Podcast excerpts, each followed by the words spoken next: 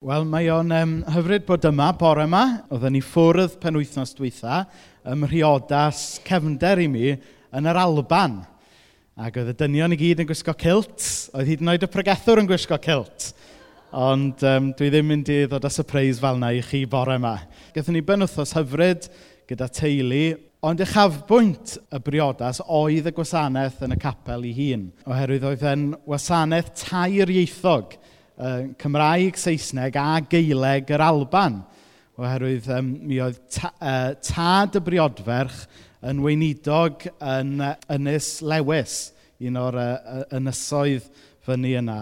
Ac, ac oedd yr addoliad yn hyfryd. Oedd yna rai cyneuon modern gyda band, ond wedyn hollol ar y pegon arall, oedden ni'n canu salmau digyfeiliant hefyd fel sydd fel sy'n rhan o'i traddodiad nhw.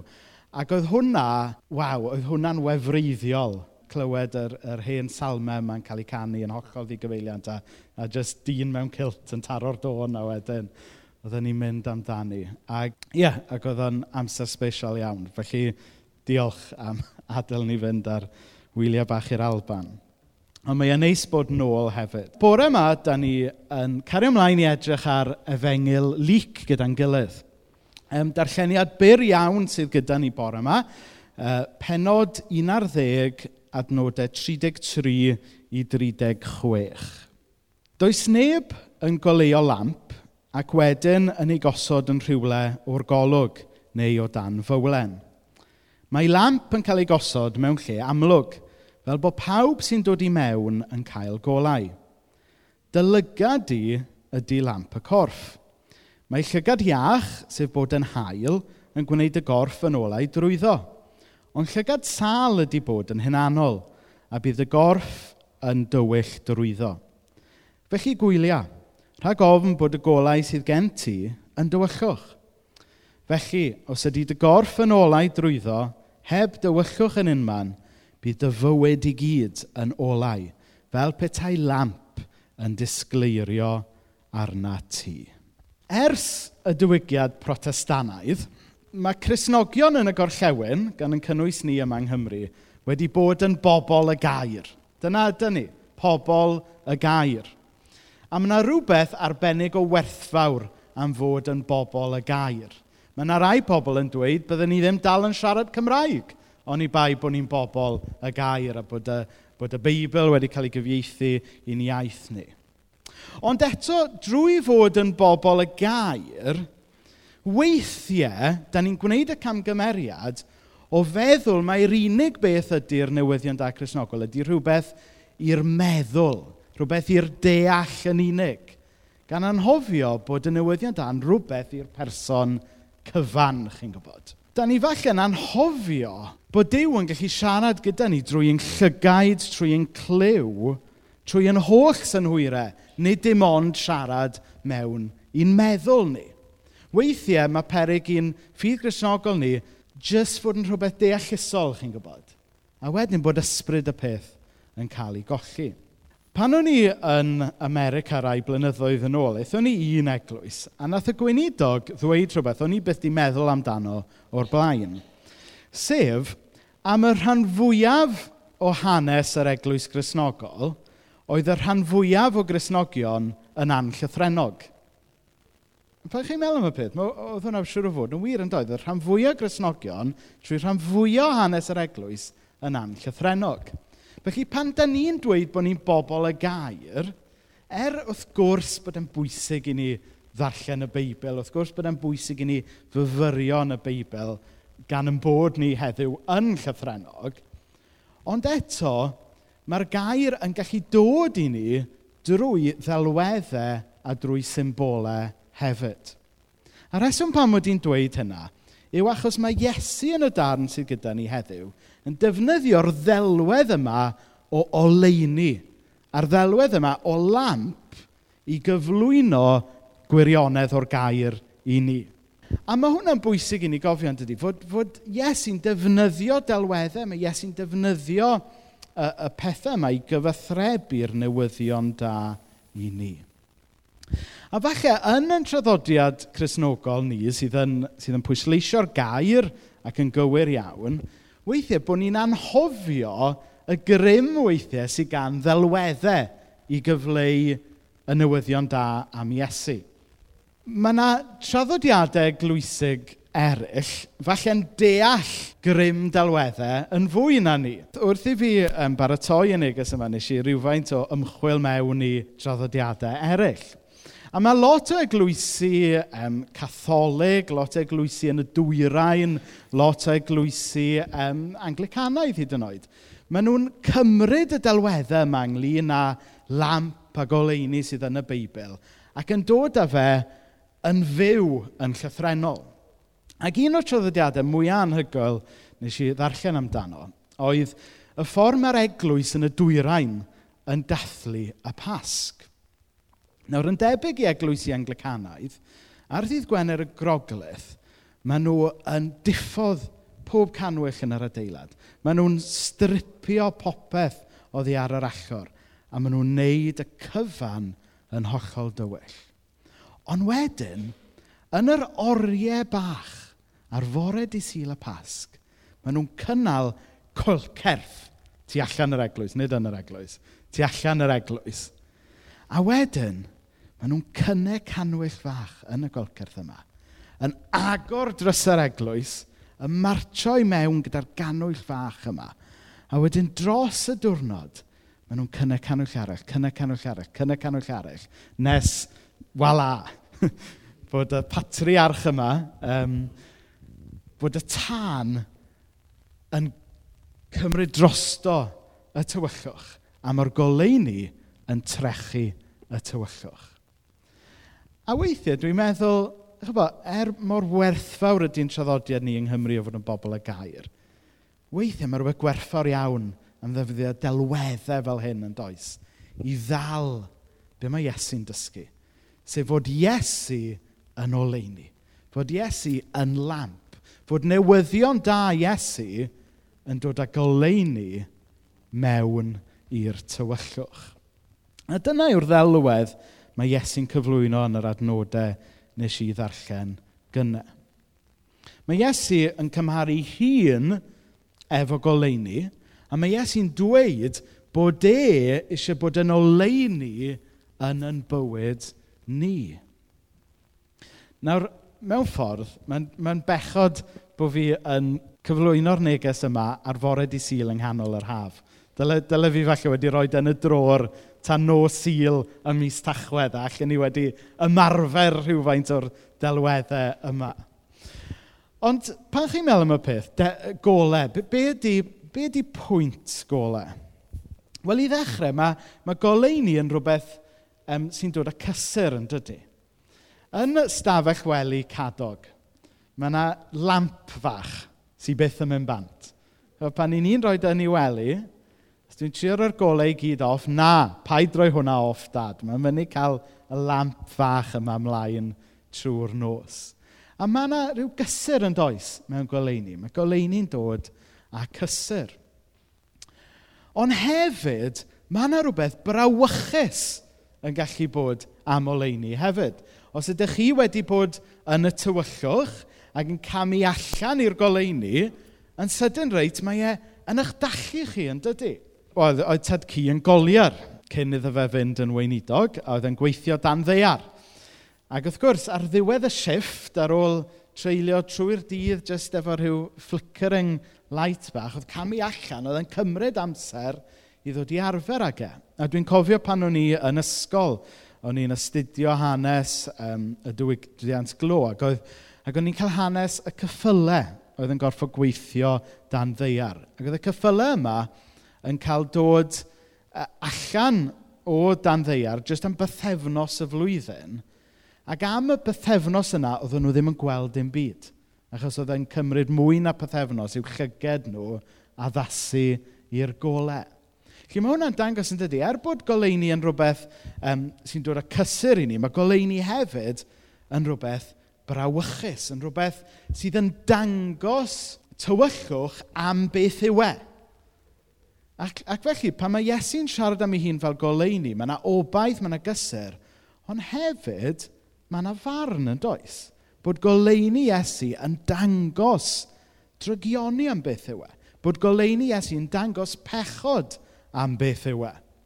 Chi'n meddwl am y peth nawr. Dwedwch bod chi wedi bod yn um, glenhau y tŷ adre. Dwedwch bod chi wedi bod yn hwfro neu'n dwsto hyd yn oed. Dwi'n dwi ymweld y cartrefu rhai ohonoch chi. Mae rhai ohonoch chi yn, yn cadw'ch tai yn daclus iawn. Rhai yn well na'i gilydd, os gael ddweud. Ac um, falle bod chi wedi bod yn, yn hwfro a dwsto'r tŷ yn ystod dydd falle y golau ddim mlaen, achos ddim angen, mae'n mae, ganol dydd. A wedyn, gyda'r nos chi'n cael y curtains, yn eistedd lawr i watch y teledu, rhoi'r golau ymlaen, a ww, chi'n gweld y gwe cop oeddech chi ddim wedi gweld. Hynny yw, mae golau ni yn dangos fyny rhywbeth chi ddim yn gweld yn y tywyllwch. Ac felly, pan i ni yn sefyll wrth Iesu, mae yna gysur, mae yna obaith yn hynna, ond yn gyntaf, mae e'n dangos tywychwch am beth yw en, dydy. Mae e'n dangos drygioni am beth yw e. Mae e'n dangos pechod am beth yw e. Nawr, dyw e ddim yn ffasiynol i siarad am bechod dyddiau e yma. Ond mae e'n bwysig yn dydy. Achos pechod sydd tu ôl y ffaith bod y byd yma wedi torri. Pechod sydd tu ôl y ffaith bod yn bywydau ni yn amlwg wedi torri. A pan i ni'n cymharu'n hunain â rhywun arall, falle bod ni'n meddwl bod ni'n oreit. A bod yn pechodau ni ddim o'r wael â hynny. Ond pan da ni'n dod fyny at Iesu a goleini Iesu, yna mae e'n dangos fyny yn dydy, y pechod sydd yn yn bywyd a'n calon ni. Ond y newyddion da di hyn, mae'r un goleini sy'n dangos yn drygioni ni am beth yw e, ydy'r un goleini sydd yn gwneud ni'n lan. Yr un goleuni sy'n dod â bywyd newydd i ni. Yr un goleuni sy'n torri trwy ac yn y diwedd yn trechu y tywychwch. Ac felly mae'r ddelwedd yma am Iesu fel goleuni yn hyfryd yn dydy ac yn dangos newyddion da Iesu am beth yw e.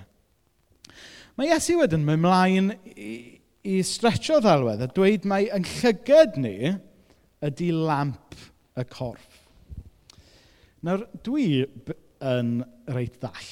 Iawn? Heb yn sbectol iawn, fedra i ddim gweld fawr ddim byd. So, na ni. So, un mae hwnna'n deud, ond swn i'n gallu deitha chi mae un mae'n deud, tan bod o mor agos a hynna. A weithiau, os fydde wedi mynd i'r bathrwm yn y bore heb a gadael yn sbectol wrth ymyl y gwely ac yn ac yn trio brwsio danedd, ac yn hyd yn oed brwsio danedd heb yn sbectol. Byddai'n byddai wrthi, o, oh, oh, brwsio danedd cadog di hwn. Dwi, mor ddach. Hynny, y pwynt ydy, mae'n llygad ni yn caniatau ni i wneud pethau efo gweddill yn corff, yn dydy? Heb yn golwg, byddwn ni'n gwybod beth i'n gwneud gyda'n dwylo. Heb yn golwg, byddwn ni ddim yn gwybod lle i fynd gyda'n traed. Mae'r llyged, sort of yn gallu rheoli gweddill y corff os ych chi'n deall beth sydd gyda fi. So drwy ddweud mae Iesu ydy lamp, yn yw, mae llyged ydy lamp y corff, be mae Iesu'n dweud yw, mae eisiau oleini fe rheoli yn popeth i ni wneud. Rheoli'n bywyd i gyd, rheoli y ffordd i ni'n byw, rheoli'r ffordd ydy ni. Dydy goleini Iesu ddim yn rhywbeth i ni'n cadw mewn bocs a tynnu allan ar ddi syl. Dydy goleuni Iesu ddim yn rhywbeth da ni'n cadw yn poced a just tynnu allan pan da ni angen e. Mae goleuni Iesu yn rhywbeth sydd angen bod yn rhan o, o pwy ydy ni, bod yn rhan o'n corff ni, rheoli popeth i ni yn gwneud. Ond be mae hwn yn golygu yn ymarferol? Mae, mae e'n gret i ni gael y delweddau yma bod Iesu fel goleini a bod angen Iesu fod yn oleini yn ni. Ond be mae hwn yn edrych fel? Achos heb i ni fy mlaen i be mae'n edrych fel, i ni jyst yn siarad am rhyw syniadau bach neis yn dydyn. Be mae hwn yn edrych fel? Be mae'n golygu i Iesu fod yn oleini yn yn bywyd ac i ni fod yn oleini eraill? Wel, dyma rai awgrymiadau ymarferol. Mae yn golygu Peidio ymuno mewn yn y gosip. Pa mae sgwrs ymhlith ffrindiau falle'n mynd i'r cyfeiriad yna. Mae e'n golygu ceisio gweld y gorau yn rhywun pa mae e'n haws gweld y gweitha mewn rhywun. Mae e'n golygu buddsoddi amser yn y person yna sydd falle yn anodd a mae pawb arall yn trio i osgoi. Mae e'n golygu gweithio yn onest ac yn ddiwyd yn eich gwaith. Lle falle bod yna ddiwylliant o ddiogi a torri corneli yn eich lle o waith. Mae e'n golygu, mae amser gwyliau nawr, mae e'n golygu gwneud dros y gwyliau be fysa gweddill eich teulu chi'n hoffi wneud, neu jyst be fysa chi'n lycio wneud. Mae e'n golygu mynd i siarad a dweud sori wrth y person da chi wedi gwneud drwy gyda nhw yn hytrach na cuddio'r peth dan y carpet am flwyddyn arall. Mae e'n golygu sefyll dros yr hyn sydd yn iawn ac yn gyf iawn, hyd yn oed os yw hwnna'n wneud chi'n amhyblogaidd. Mae e'n golygu sefyll dros y tlawd a'r dilais. Yn y bôn, mae e'n golygu gwneud be fyddai Iesu yn gwneud ym mhob sefyllfa a gofyn i oleini Iesu helpu chi i wneud hynny. Achos os ydy ni yn gadael i oleini Iesu ddo mewn i'n bywyd ni, fe allwn ni wedyn fod yn oleini i'r byd yma o'n cwmpas ni. A da ni gyd yn gwybod bod ni'n byw mewn oes, bod ni'n byw mewn cymdeithas sydd angen mwy o leini Iesu. A dydy ni, dydy ni ddim wedyn jyst yn eistedd nôl a gadlu Iesu, wel, come then, do your magic. Mae Iesu'n dewis ni i fod yn oleini iddo fo yn y byd. Mae Pedr yn dweud bod yn bwysig i ni fod yn barod bob amser i roi ateb i bwy bynnag sy'n gofyn i chi esbonio be ydy'r gobaith sydd gynnwch chi. Gai addasu'r adnod, gai feiddio addasu'r adnod. Byddwch yn barod bob amser i roi ateb i bwy bynnag sy'n gofyn i chi esbonio beth ydy'r golau sydd gynnwch chi. Nawr yn golau ni ydy Iesu Grist. Y Dyw sydd wedi delio efo tywyllwch. Y Dyw sy'n dod â goleini i'r tywyllwch mwyaf. A mae'r goleini yna eisiau cael lle yng nghalonau pob un ohono ni. Ond di'r goleini ddim jyst yna i wneud i ni deimlo yn neis. Mae'r goleini yna i fendithio y byd o'n cwmpas ni. So wrth i ni ddiolch i Esu am fod yn oleini i ni, gadewch i ni dderbyn yr ysbryd glân i ni fod yn oleini i eraill. Gen i blygu pen mewn gweddi. O ddiw dad, i ni'n diolch i ti am rannu gyda ni o'r gair fan hyn, y ddelwedd yma bod ti fel goleini, bod ti fel lamp, bod ti yn un goleini ddath i drechu y tywyllwch. Mae yna lot o dywyllwch yn y byd. Mae yna lot o dywyllwch falle yn calonau ni bore yma, o ddiw dad. O gad i ni wahodd y gol golau bach yna i dyfu yn olau mawr.